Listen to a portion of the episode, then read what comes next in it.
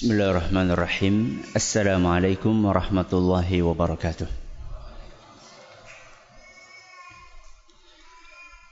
الحمد لله وحده والصلاة والسلام على من لا نبي بعده وعلى آله وصحبه ومن اتبع هداه إلى يوم القيامة أما بعد Kita panjatkan puja dan syukur kehadirat Allah Tabaraka wa Ta'ala Pada kesempatan malam yang berbahagia kali ini, kita masih kembali diberi kekuatan, kesehatan, hidayah serta taufik dari Allah Jalla wa Ala.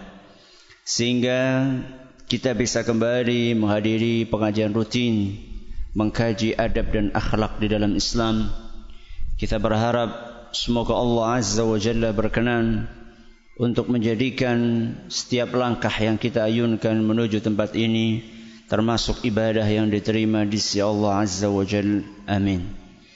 Salam dan salam semoga senantiasa tercurahkan kepada junjungan kita Nabi besar Muhammad sallallahu alaihi wasallam kepada keluarganya, sahabatnya dan umatnya yang setia mengikuti tuntunannya hingga akhir nanti.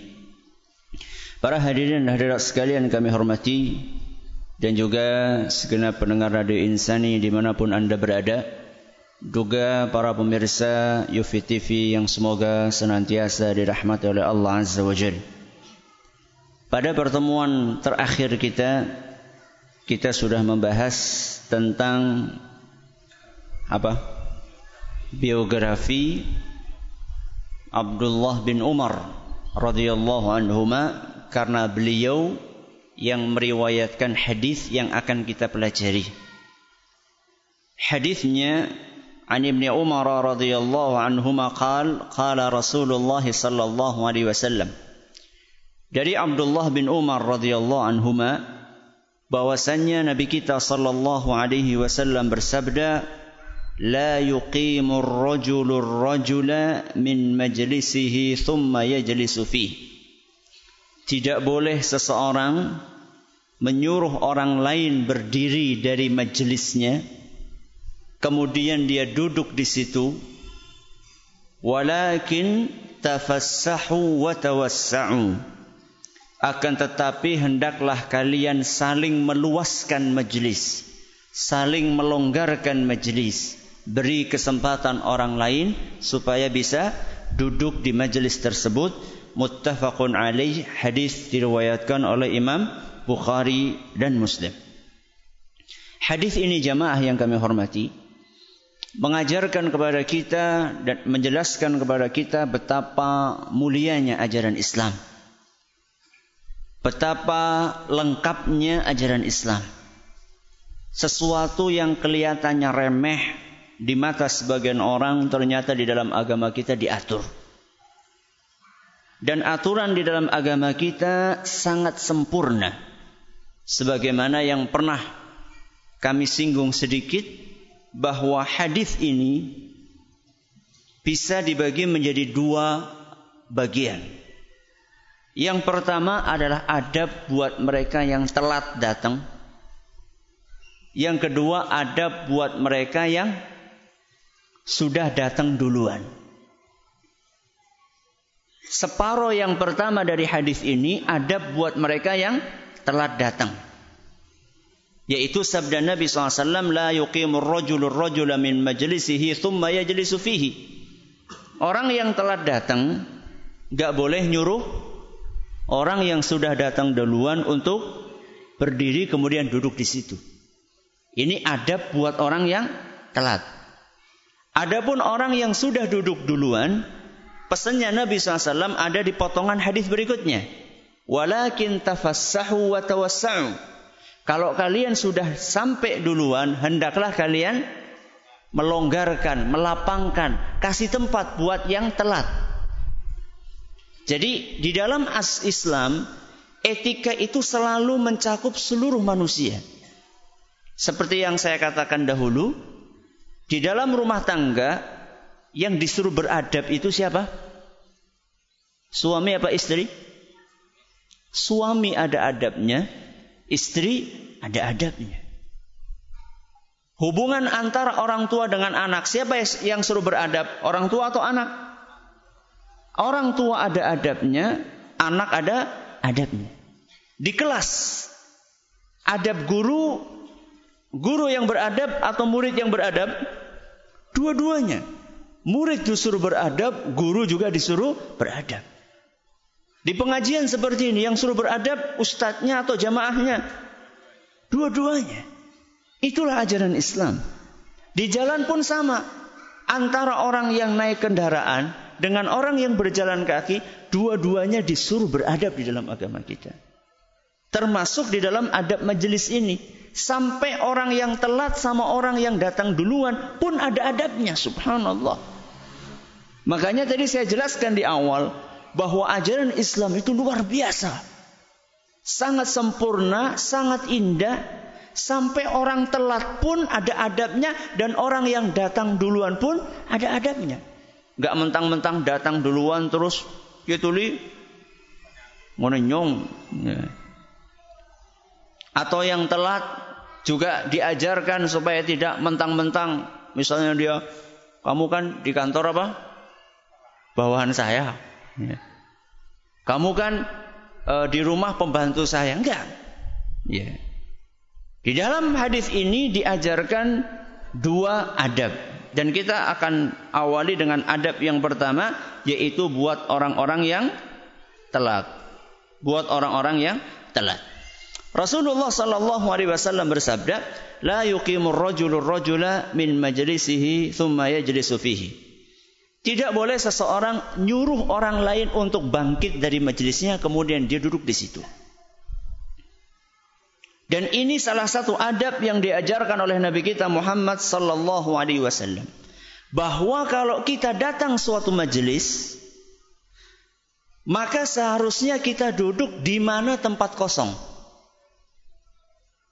Tidak boleh dia nyuruh-nyuruh orang untuk pergi kemudian duduk di situ. Siapa pun orangnya.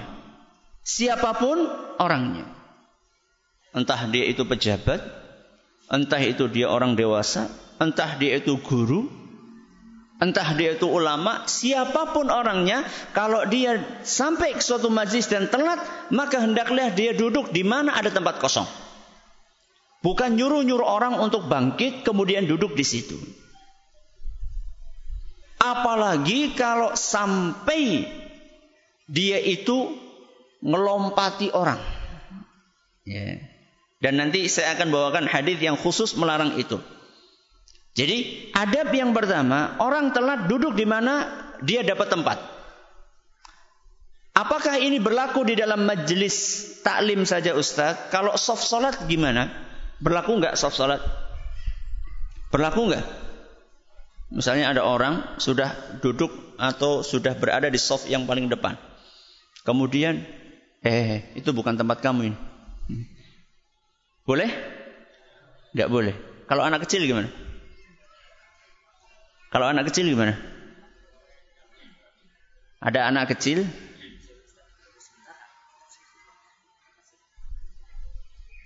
mobil Avanza dengan nomor R9254EA. R9254EA di sebelah utara harap maju. Masa nggak ada yang ngaku?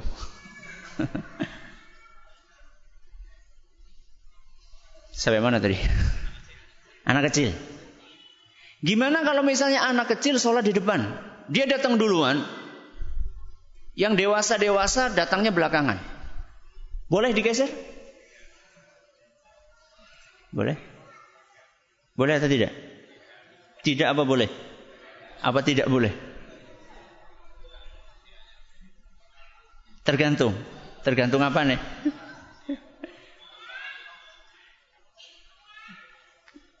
Yang biasanya berangkat ke masjid duluan anak kecil apa orang dewasa?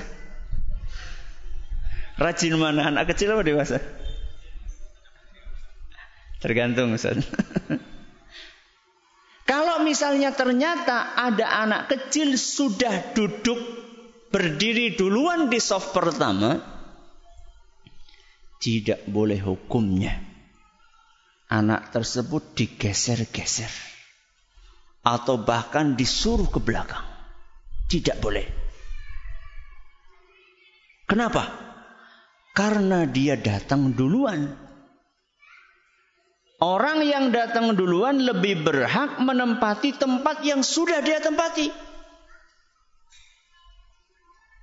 Kok enak banget datang belakangan apa? Nyuruh-nyuruh, eh, cecilik beri.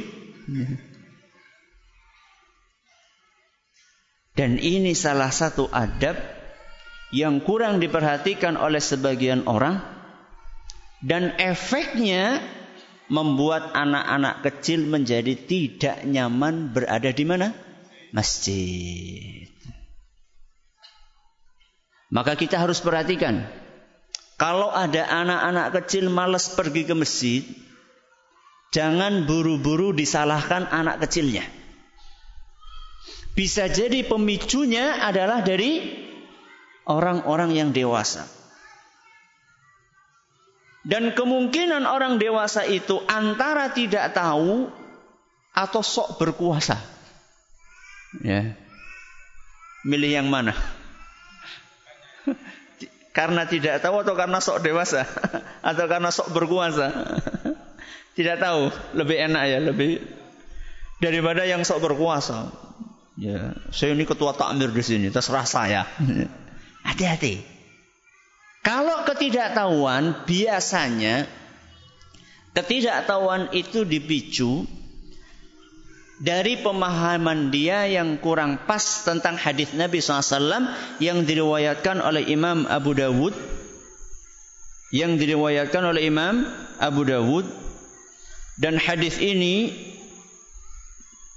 dinyatakan sahih oleh Syekh Al-Albani maaf yang diriwayatkan oleh Imam Muslim hadis ini diriwayatkan oleh Imam Muslim di mana Nabi kita sallallahu alaihi wasallam bersabda liyaliyani minkum ulul ahlami wan nuha ada sebuah hadis dalam Sahih Muslim yang berbunyi hendaklah orang yang sholat di belakangku adalah orang-orang yang dewasa dan berilmu. Ini perintah dari siapa? Rasul SAW. Ada sebuah hadis sahih dalam Muslim di mana Nabi kita SAW bersabda, hendaklah yang sholat di belakangku, ketika beliau jadi imam, yang sholat di belakangku adalah orang-orang yang dewasa dan berilmu. Bukan sekedar apa? Bukan sekedar dewasa. Kira-kira fungsinya apa? Satu. Kalau imamnya lupa dulu, jangan batal dulu. imamnya lupa. Maka orang yang berilmu itu bisa mengingatkan. Makanya di sini bukan sekedar dewasa. Dewasa tapi berilmu. Subhanallah. Pernah kejadian, ini kejadian nyata. Di musola kami, di musola kami. Biasanya kalau sholat maghrib itu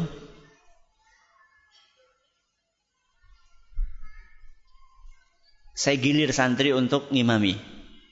Jadi kalau saya ngimami di musola itu sholat lima waktu selain maghrib. Maghrib saya gilir santri untuk sholat ngimami. Setelah itu ada kultum latihan ngisi kultum membaca kitab Riyadus Salihin. Mungkin karena suatu saat imamnya grogi, ya, akhirnya salah baca ayat, ya, keliru ada ayat yang kelewat.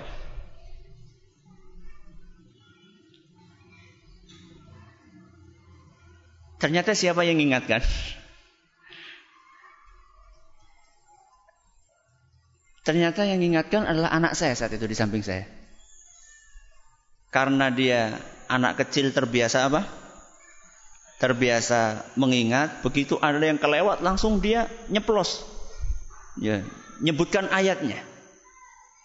Itu anak yang ya usia kelas 1 SD lah, usia kelas 1 sekitar berapa? 6 tahun apa 7 tahun apa 6 7 tahun lah. Ya.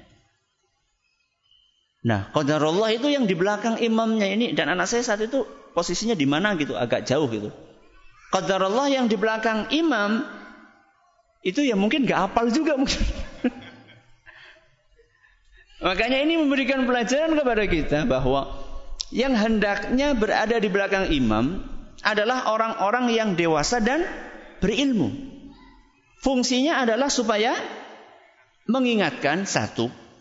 Yang kedua, tadi yang disampaikan, kalau ujuk-ujuk imame batal. Kan sulit kalau seandainya yang dewasa itu di mana? Di pojok sana. Nanti jalannya itu terlalu apa? Terlalu jauh. Ya. Tapi kalau misalnya di belakang imam persis, maka akan mudah buat imamnya keluar, kemudian memberikan aba-aba kepada siapa? Kepada yang di belakangnya. Kalau imamnya jauh, eh, kalau misalnya orang yang dewasa jauh sulit imamnya ngasih apa-apa. Masa ngorong-ngorong, heh ganti ganti gini, Kan sulit. Paling gampang adalah kalau misalnya orang dewasa dan berilmu itu di belakang, langsung dia ngasih isyarat. Dan biasanya orang yang berilmu paham. Nah kalau orang nggak berilmu di nggak paham-paham, menang be. itu kan repot akhirnya. Bisa-bisa nanti sholat jamaahnya apa? Bubar. Ini makna hadis yang diriwayatkan oleh Imam Muslim hendaklah yang sholat di belakangku adalah orang yang dewasa dan ber, berilmu. Ini sifatnya anjuran. Agar orang-orang yang dewasa dan berilmu itu mereka datang duluan ke masjid. Itu maksudnya. Hadis yang saya baca tadi, riwayat Muslim tadi, merupakan motivasi kata para ulama agar orang-orang yang dewasa dan mereka itu berilmu hendaklah mereka berangkat ke masjid duluan. Dan kalau berangkat ke masjid duluan, hendaklah mereka duduknya di mana? Di depan. Nun sewu ini kadang-kadang kebiasaan dari sebagian orang itu dia sukanya di mana? Belakang. Ya. Wah enaknya di sini Ustaz ISIS. Kalau bisa begitu datang langsung di depan isi. Atimus sofal awal fal awal. Hendaklah sof yang pertama di yang sof yang depan itu diisi terlebih dahulu. Yeah. Jadi maksud dari hadis Nabi SAW yang saya bacakan tadi adalah motivasi buat mereka yang dewasa dan berilmu supaya mereka datang duluan ke masjid sehingga bisa memenuhi sof yang pertama. Nah sekarang kalau kasusnya yang dewasa dan berilmu ini malah telat, akhirnya soft yang pertama itu diisi oleh anak-anak, maka dalam kondisi seperti itu tidak boleh anak itu disuruh pergi. Dan ini difatwakan oleh banyak ulama. Antara lain oleh Ibnu Hajar Al-Haytami. Beliau mengatakan as-sibyanu mata sabaqul balighina ila as-saffil awal.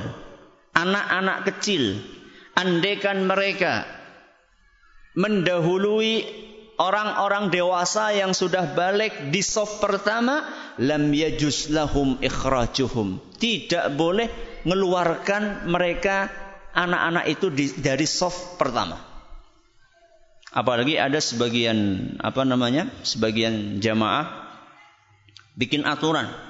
Sop pertama harus diisi dewasa semua. Sop kedua anak-anak semuanya. Wah, itu alamat itu.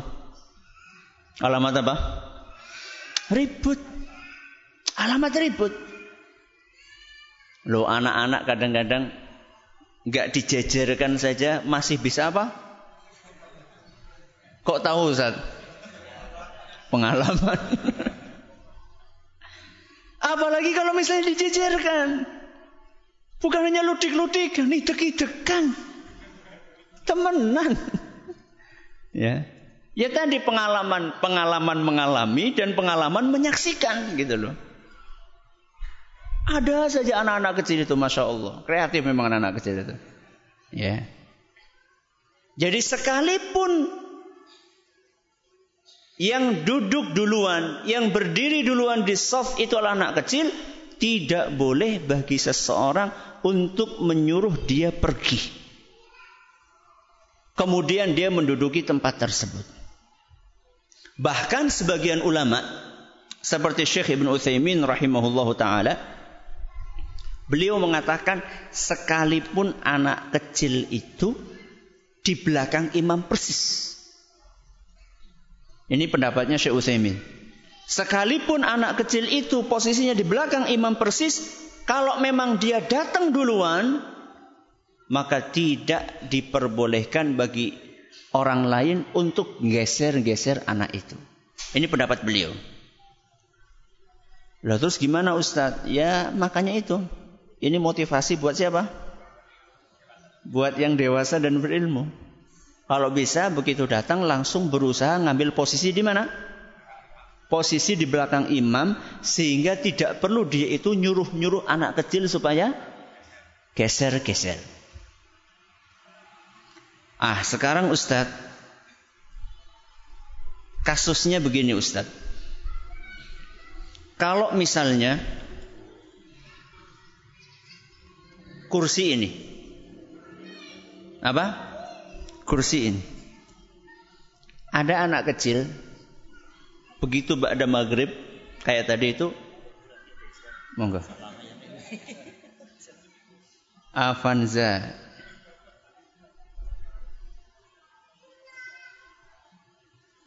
Beda, oh ya. Avanza R9452EH. R9452EH parkir utara untuk geser. Sampai mana tadi? ah, ini kursi ini. Ini majelis atau bukan? Majelis bukan? Majelis. Kalau ada anak kecil habis maghrib, tahu-tahu dia duduk di sini. Kalau ya, kalau duduk di sini, boleh nggak saya nyuruh dia pergi? Boleh atau tidak? Boleh. Lo gimana sih? Katanya tadi nggak pandang bulu. Mau kecil, mau besar, siapa duduk duluan, maka dia berhak untuk duduk di situ. Gimana? Di pangku. Kesel ya. ah. Contoh, contoh yang lain. Jenengan dagang di pasar. Dagang di pasar. Pasar kan ada apanya? Ada lapak-lapak. Jenengan punya lapak. Kemudian tahu-tahu jenengan telat, ada orang nempati lapak jenengan. Boleh jenengan suruh dia pergi? Boleh. Kan dia duluan. Nyewa. Kalau nggak nyewa. Atau misalnya gini. Jenengan datang ke masjid. Kemudian sudah zikir gitu, tahu-tahu pengen ke belakang. Pengen ke belakang, kamar mandi. Kemudian jenengan ninggali apalah di situlah. Sajadah, apa buku. Tahu-tahu ada orang duduk di tempat jenengan itu. Boleh jenengan suruh dia pergi? Kok nggak boleh? Tadi boleh ini nggak boleh yang bedakan apa? Gimana? Sudah ada tanda. Kalau nggak ada tandanya gimana? Jawabannya dalam kasus-kasus yang tadi disebutkan boleh hukumnya. Untuk apa? Untuk memerintahkan orang itu pindah. Seperti kasus yang pertama tadi apa tadi? Anak kecil atau nggak mesti anak kecil. Ya nggak mesti anak kecil mungkin orang dewasa dia pengen duduk merasakan kursinya ustadz kayak apa sih? Ya. Dalam kasus yang pertama atau kasus yang kedua menempati lapak. Atau kasus yang ketiga orang sudah sholat duluan eh maaf sudah duduk di majelis duluan di soft duluan kemudian dia keluar ada orang duduk di tempatnya. Dalam kasus-kasus ini diperbolehkan untuk menyuruh orang tersebut untuk pindah tempat. Kenapa Ustaz? Karena Rasulullah Sallallahu Alaihi Wasallam bersabda dalam hadis lain riwayat Imam Muslim, hadis sahih juga. man qama min majlisihi thumma raja'a ilaihi barang siapa yang bangkit dari tempat duduknya. Barang siapa yang bangkit dari tempat duduknya. Dia sudah datang duluan. Kemudian dia bangkit karena satu dan lain kepentingan. Satu dan lain kepentingan. Fahuwa ahaqqu bihi.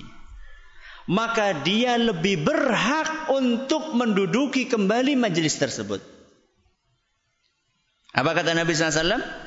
Barang siapa yang bangkit dari suatu majelis, jadi dia sudah datang duluan di situ, atau majelis itu sudah ma'ruf ditempati oleh orang itu.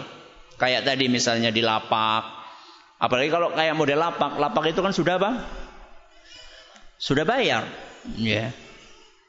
Barang siapa yang hadir di suatu majelis, majelis apa pun itu, kemudian dia bangkit untuk satu dan lain hal, satu lain dan lain dan satu keperluan dan lain keperluan, maka dialah yang lebih berhak untuk menduduki kembali majelis tersebut. Akan tetapi tentunya, ya, akan tetapi tentunya hendaklah ketika nyuruh berdiri itu hendaklah apa? Dengan cara yang sopan dan santun. Ya, jangan bentak-bentak. Ya, kayak tadi anak kecil, taruh kualat. Gak usah gitu, biasa aja. Ya. Ya mungkin dengan cara yang lembut, maaf ini nak, ini tempatnya Ustadz nak. Gak mau, gak mau. Aduh, nah kayak gue kepada gue ya sing waras. ya saya minta kursi lagi lah. Ben ceceran karo karo ustaz. Engko tulis sesuai apa? Isin dewek ya. Nah, ini kasusnya kalau nyuruh orang lain pergi. Nah, sekarang kalau orangnya sukarela. Sukarela dalam tanda kutip. Duduk di suatu majelis, tahu-tahu datang orang yang dia hormati. Katakanlah ustadznya atau atasannya, ya, bosnya. Ternyata antara atasan sama bawahan itu ternyata ngaji bareng. Tapi yang datang duluan siapa? Bawahannya dulu. Karena bosnya masih apa? Masih sibuk. Tahu-tahu begitu datang atasannya, sudah nggak ada tempat. Akhirnya bawahnya berdiri. Monggo, monggo, monggo Pak Bos. Dianya yang berdiri duluan, nyuruh buat siapa? Orang yang datang belakangan untuk duduk di tempatnya. Ini kasusnya beda atau tidak? Beda. Kalau yang tadi dilarang oleh Nabi Shallallahu Alaihi Wasallam adalah orang telah datang nyuruh orang lain berdiri. Ini enggak. Ini malah orang lain ini malah berdiri mempersilahkan orang yang telat supaya duduk di majelisnya. Apa sikap orang yang dipersilahkan tersebut? Diterima atau tidak diterima? Diterima atau tidak diterima? Diterima. Kalau dia cuma basa-basi gimana? sebenarnya dia itu orang kepenak gitu. Gimana? Nah, gimana? Ngajak duduk bareng. Iya nek cukup. Ini dia akan bangkit dia nyari-nyari-nyari lagi. Gimana? Diterima atau tidak? Tergantung. Tergantung. Tergantung apa Ustaz? Tergantung orang ini nyuruh berdiri karena apa? Loh, masa ngerti Ustaz? Nanti saya akan jelaskan. Dia ini bukan nyuruh berdiri. Dia ini berdiri, motivasinya apa? Apakah motivasinya betul-betul karena rasa sayang kepada orang yang dipersilahkan duduk di tempatnya atau karena basa basi ora kepenak. Orang Jawa mengatakan apa? Pekewuh. Nah, Kalau misalnya yang dipersilahkan untuk duduk di majelis itu paham bahwa yang mempersilahkan ini cuma basa-basi, maka untuk kehati-hatian dia menolak permintaan itu. Oh sampun, gak usah.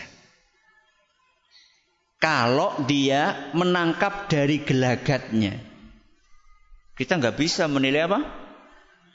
Isi hati kan. Kita nggak bisa melihat isi hati. Dari gelagatnya, wah kita paling basa-basi. Biasanya kalau kayak gitu, antara atasan sama bawahan kayaknya. Ya. Antara atasan sama bawahan. Mungkin biasanya seperti itu. Ya ini paling cuma basa-basi. Buktinya basa-basi apa? Misalnya nih, contohnya basa-basi.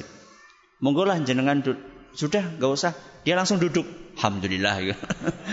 Itu berarti biasanya Pak basa-basi. Contoh, ngantri di mana? Ngantri di kamar mandi. Ya. Kadang-kadang kan kita nggak enak misalnya ya.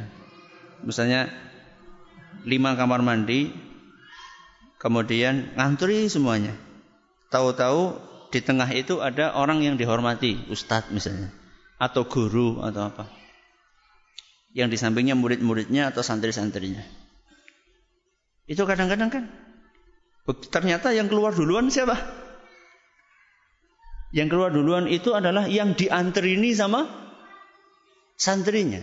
Sedangkan yang diantri sama ustadznya suwe banget orang teman-teman. Itu kan kadang-kadang santri, silakan ustadz duluan. Itu ustadznya harus cerdas. Cerdas gimana maksudnya? Cerdas menangkap sinyal. Kira-kira anu basa-basi apa-apa? Apa temenan? Ya. Kalau misalnya basa-basi Basa-basi gimana Ustaz contohnya? Misalnya dia ini dari tadi sudah megang perut. Bolak-balik megang perut, megang perut, megang perut. Kemudian dia begitu keluar yang diantri ini, Ustaz silahkan Ustaz. Dia mesti basa-basi. Wong dheweke bisa Terus kebelet. Ya. Maka sebaiknya ditolak. Sebaiknya ditolak. Sudah tidak apa-apa. Saya tak nunggu yang di depan ini. Hidup-hidup latihan apa? Sabar. Loh Ustaz kan ngomong sabar, sabar, sabar. Praktekin di gitu. Ya. Ini kalau misalnya yang dipersilahkan itu memahami dari yang mempersilahkan ini maksudnya hanya bahasa basi. Maka untuk kehati-hatian ditolak dan inilah yang dilakukan oleh Ibnu Umar radhiyallahu anhu. Dan siapa beliau yang meriwayatkan hadis ini? Ibnu Umar pernah mengalami kasus yang sama. Beliau hadir di suatu majelis, tahu-tahu ada muridnya memper, mempersilahkan Ibnu Umar untuk duduk di tempat duduk dia. Maka Ibnu Umar pun menolak. Tidak. Saya akan cari majelis yang lain. Saya akan cari tempat duduk yang lain. Ini kondisi yang pertama. Kalau kita memahami bahwa orang yang mempersilahkan kita itu tujuannya apa tadi? Basa-basi nggak enak. Nah sekarang, kalau kondisi yang kedua, andaikan kita tolak dia kecewa. Kalau kita tolak dia kecewa, berarti dia ini benar-benar tulus. Benar-benar tulus, benar-benar ingin ngajeni, benar-benar ingin menghormati kepada gurunya, kepada ustadznya, kepada atasannya, kepada majikannya, kepada bosnya. Kalau kita menangkap sinyal itu dari orang tersebut, maka sebaiknya kita turuti keinginan dia. Supaya apa Ustadz? supaya membahagiakan orang tersebut. Kenapa Ustaz? Karena membahagiakan orang lain salah satu amalan yang sangat dicintai oleh Allah Subhanahu wa taala. Ada nggak kira-kira orang menawarkan sesuatu ditolak kecewa? Ada? Ada.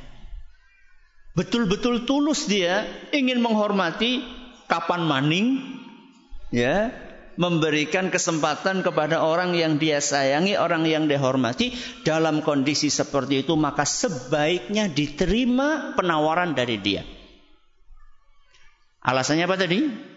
Dalam rangka menyenangkan hati orang yang menawari. Rasulullah Shallallahu Alaihi Wasallam bersabda dalam sebuah hadis yang diriwayatkan oleh Imam At-Tabarani dalam Al-Mu'jamul Kabir dan hadis ini dinyatakan hasan oleh Syekh Al-Albani ahabbul a'mali ilallah. Amalan yang paling dicintai oleh Allah sururun tudkhiluhu ala muslim, membahagiakan seorang muslim. Apa kata Nabi SAW? Amalan yang paling dicintai oleh Allah membahagiakan sesama muslim.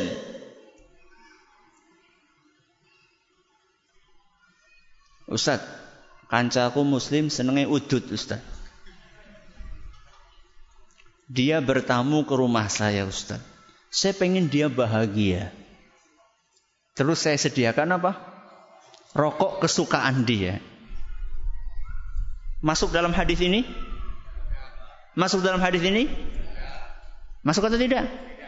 Kenapa? Wala ta'awanu 'alal itsmi wal 'udwan.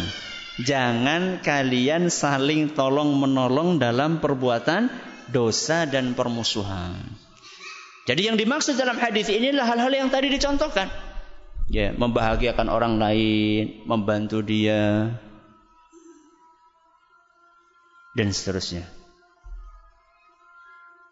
Habis ini mungkin nggak cukup untuk bahas adab yang kedua, potongan yang kedua, maka insya Allah akan saya buka sekali-kali sesi tanya jawab ba'da adzan insya Allah. Alhamdulillah salatu wassalamu ala nabiyina Muhammadin wa ala alihi wa Sebelum kita buka sesi tanya jawab, saya ingin meringkas pengajian yang tadi kita sampaikan.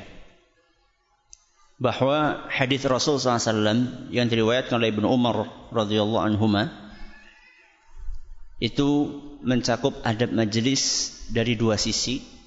Sisi yang pertama adalah dari orang yang apa tadi? Yang telah datang. Dan sisi yang kedua buat siapa? Mereka yang sudah datang duluan. Malam hari ini kita baru membahas sisi yang pertama yaitu adab buat mereka yang telah datang. Bahwa adabnya kalau telah datang hendaklah dia duduk di mana ada tempat kosong dan tidak boleh dia nyuruh orang lain untuk berdiri lalu dia duduk di situ. Dan ini berlaku di dalam entah itu majelis taklim atau juga ketika orang sedang sholat. Sehingga ketika ada anak kecil lebih duluan sholat atau menempati posisi di soft yang pertama, maka tidak boleh bagi siapa? Orang dewasa nyuruh anak kecil itu supaya pindah. Ya. Adapun hadis Rasul SAW yang menganjurkan agar orang-orang yang sholat di belakang beliau adalah orang-orang yang dewasa dan berilmu, itu maksudnya adalah apa? Motivasi agar mereka, yaitu orang yang dewasa dan ilmu, agar mereka bergegas, bersegera untuk hadir di masjid dan menempati posisi di sop pertama. Kemudian setelah itu kita bahas bagaimana kalau misalnya majelis itu sudah ma'ruf ditempati oleh seseorang. Seperti majelis kursi ini, kursinya guru atau kemudian di pasar, lapak di pasar atau orang sudah duduk duluan di soft lalu dia keluar. Bolehkah dia mempersilahkan orang yang duduk di majelisnya itu untuk berdiri, lalu dia duduk di situ? Jawabannya apa? Boleh. Karena dia lebih datang duluan dan dia berhak untuk menempati tempat dia. Terus terakhir kita tutup dengan kasus seandainya dibalik kondisinya kita bukan nyuruh orang berdiri tapi orang yang sudah duduk duluan berdiri mempersilahkan kita duduk di tempatnya. Apakah kita yang dipersilahkan menerima tawaran itu? Jawabannya apa tadi? Lihat lihat kondisinya tergantung situasi. Yang pertama kalau ternyata dari sinyalnya kelihatannya orang ini basa-basi cuma karena nggak enak saja maka hendaklah untuk kehati-hatian dan ini termasuk sifat wara' termasuk sifat apa? Wara' kehati-hatian buat yang ditawari untuk tidak menerima tawaran tersebut. Kondisi yang kedua kalau ternyata yang nawar ini betul-betul tulus ya dari gelagatnya dia tulus maka hendaklah si yang ditawari itu menerima tawaran itu dalam rangka apa tadi menyenangkan hati orang yang menawari karena salah satu amalan yang paling dicintai oleh Allah adalah menyenangkan sesama muslim ini ringkasan dari kajian kita hari ini dan mudah-mudahan pada pertemuan yang akan datang kita akan lanjutkan insya Allah. Dan sebelum saya baca pertanyaan ini, saya ingin mengumumkan biasanya ahad kedua adalah pengajian sirah Nabi kita Muhammad SAW di Masjid Agung Baitus Salam. Karena satu dan lain hal, mohon maaf untuk pekan ini, bulan ini kita liburkan. Mudah-mudahan di bulan yang akan datang yaitu bulan Desember mudah-mudahan uh, kita bisa melanjutkan lagi pelajaran sirah Nabi kita Muhammad SAW.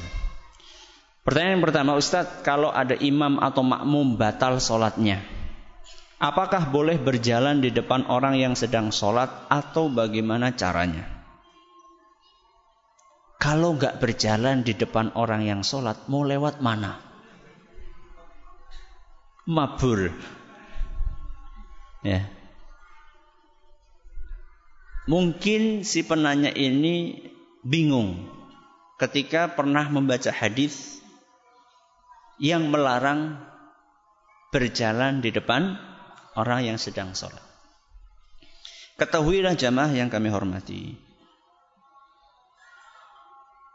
Larangan untuk berjalan di depan orang yang sholat itu berlaku buat berjalan di antara sutroh pembatas yang ada di depan orang yang sholat. Perhatikan, saya kasih ilustrasi. Ini orang sholat. Pulpen ini orang sholat. Gelas ini adalah sutro. Sutro itu pembatas pembatas yang biasa dikasih di depan orang sholat atau tembok. Misalnya orang sholat soft di sini soft pertama, kemudian depannya apa? Tembok. Atau tiang. Orang sholat di belakang apa? Tiang. Menghadap tiang. Tiang ini namanya apa? Sutro. Atau orang lagi duduk, kemudian dia datang sholat di belakang orang tersebut. Berarti orang itu adalah sutro. Jadi kalau misalnya ada orang jenengan lagi duduk, tahu-tahu ada orang sholat di belakang jenengan, orang geser-geser. Orang "Piye napa sholat begitu?" Geser mana? Itu anjuran dari Nabi SAW untuk sholat menghadap ke mana? Sutroh. Alhamdulillah di sini disediakan ini. Ya, kalau di Saudi biasa sekali seperti ini nih. Dan itu kayaknya di belakang-belakang itu ada itu. Ya banyak. Ini bagus ini. Ya. Jadi ini bukan jadi kayak kijing ya. Udah kijing gue mas. Itu sutroh namanya. Jadi negeri kita masih asing. Kalau di Saudi itu hampir setiap masjid ada.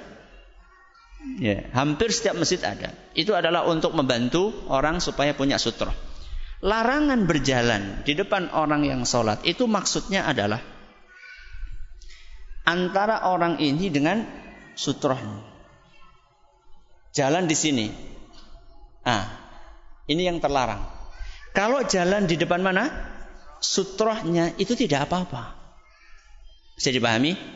Larangannya adalah berjalan antara orang ini dengan apa? Sutroh. Di antara ini. Itu nggak boleh. Kalau di depannya sutroh, depan sutroh nggak ada masalah. Taib. Sekarang kasusnya imam atau makmum batal. Sedangkan orang-orang yang sholat ini mesti sutrohnya adalah soft yang di depannya. Dia mau jalan lewat mana Ustaz? Di belakangnya sutroh, di depannya sutroh, orang sutroh lagi, depannya lagi, depannya lagi. Gak mungkin Ustaz.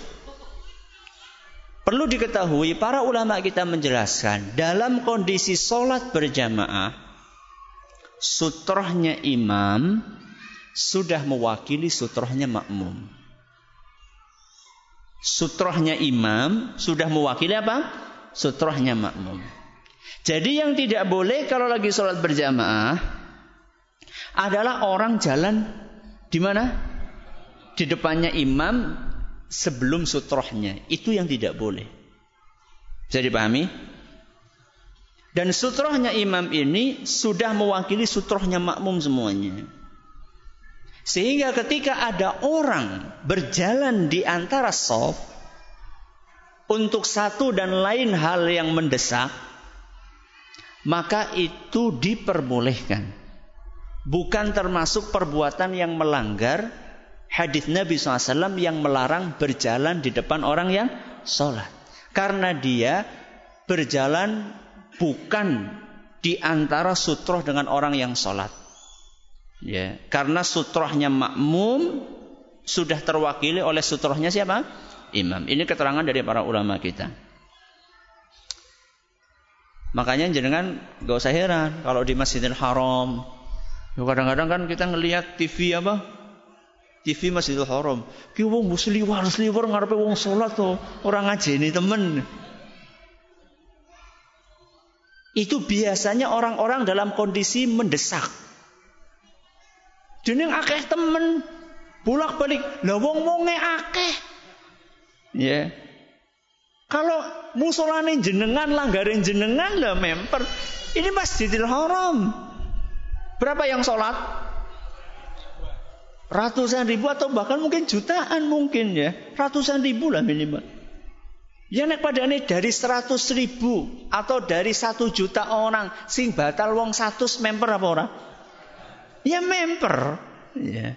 Kecuali kalau musolane jenengan sing sholat sepuluh sing batal sepuluh, gue orang member. Ya. Tapi bukan berarti kemudian tidak ada keperluan terus apa? Jalan-jalan. Ya. Wah orang neng sutroh iki ora apa mlaku ngana mlaku ngene mlaku ngana. Enggak. Tapi ini dalam kondisi-kondisi yang mendesak. Bagaimana hukumnya anak kecil yang memakai pampers berada di masjid? Tidak apa-apa. Yang penting bisa dipastikan pampersnya tidak bocor. Tidak ada masalah insya Allah. Lagi pula anak kecil itu tidak belum wajib untuk apa? Untuk sholat. Ya, jadi ketika anak kecil diajak ke masjid itu hanya sekedar pembelajaran saja. Wallahu taala ala wa alam. Mohon maaf ini pertanyaan-pertanyaan yang mungkin enggak berkaitan dengan tema tidak saya jawab. Semoga bermanfaat buat kita semuanya. Terima kasih atas perhatiannya. Menurut segala kurangnya kita tutup dengan membaca Subhanakallahumma wa bihamdika asyhadu an la ilaha illa anta astaghfiruka wa atubu ilaik. Assalamualaikum warahmatullahi wabarakatuh.